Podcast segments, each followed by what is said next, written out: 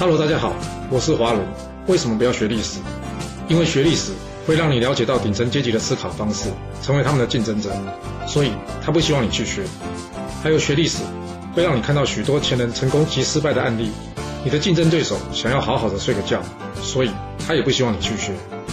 最重要的是，学历史会让你了解人性，你的老板以及同事都希望你保持天真的心，所以他们更不希望你去学。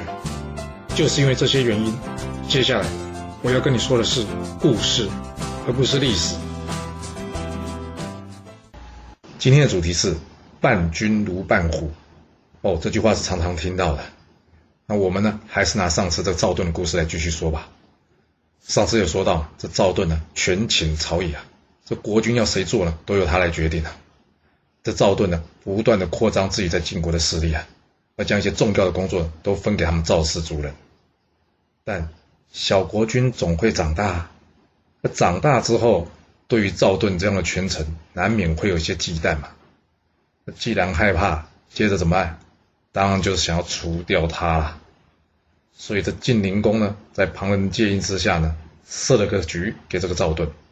他假装说啊：“哎呀，赵盾啊，我要感谢你啊，所以请你来吃顿饭。”结果呢？酒过三巡之后啊，他跟赵盾说：“哎，我听人家说啊，你身上这佩剑是把宝剑啊，可不可以让我看看呢？”哇，在古代呢，在国君面前拔剑可能会被视为造反的举动啊，因为他一旦拔剑，他可以随时杀了国君嘛。所以呢，大臣们呢通常都非常小心，不敢随便的带剑上去，或者是随便在国君面前拔剑。然而呢，这赵盾因为一时大权在握嘛，加上喝了一些酒。脑袋有点不好使了，他想都没想啊，就准备了将这剑给拔出来。一旁随从的官员呢，大声提醒他说：“按照礼俗啊，这个酒过三巡啊，大臣就应该要离开了，更不可以在国君面前拔剑了。”哦，赵盾听到这，突然之间脑袋清醒了，他知道糟糕，中计了，他赶紧向着晋灵公告辞啊，想走哪有那么简单啊？晋灵公呢，马上派出他獒犬冲出去咬人。但万万没想到的是，这獒犬虽然很凶啊，却被这赵盾的随从当场给折成两段了。哇，这下晋灵公可火了，他决定不演了，直接叫埋伏的士兵呢全部出来，要来解决掉这赵盾。最后呢，这赵盾啊惊险逃过一劫，而这晋灵公呢，则是被这赵氏族人所杀。这赵盾算是运气超级好的，因为通常国君要杀臣子啊，臣子都躲不掉的。就像另外一头吧，楚国这边呢。大臣豆瓣的运气他就没那么好了。楚武王上台之后啊，他担心的令尹豆瓣不忠心啊。这令尹其实就是宰相啊。他为了测试豆瓣呢，楚武王要求这窦班去杀他的兄弟，也就是在上台之前呼声最高的王位继承人公子职。豆瓣心里想：这公子职又没犯错，我拿什么理由杀了他？所以呢，他劝楚武王别这样做。但是他万万没想到啊。楚武王早就被人家煽动了，说这豆班不忠心啊。而窦班这种回话的方式呢，让楚武王认定了窦班的确不忠心，所以呢，楚武王一锤结束了豆班的生命。从这上面的故事来看呢，不管是多大的官呢，或者是权臣，每天呢也都是生活在恐惧之中，真的就是像古人说的“伴君如伴虎”啊。那既然这样，干嘛还要留在国君的身边呢？当然就是放不下权力。地位还有财富啦，套到现在来说吧，若你的工作不错，待遇不差，头衔也不低，你是不是会小心翼翼的捧着这饭碗呢？每天希望老板开开心心，不要开除你呢？这个想法并没有错，就像我爸爸说的，你去外面打工啊，就算只拿人家一毛钱啊，也都得忍受人家的气啊。那既然都要忍，那还不如想办法多赚一点，或者想办法让自己有选择。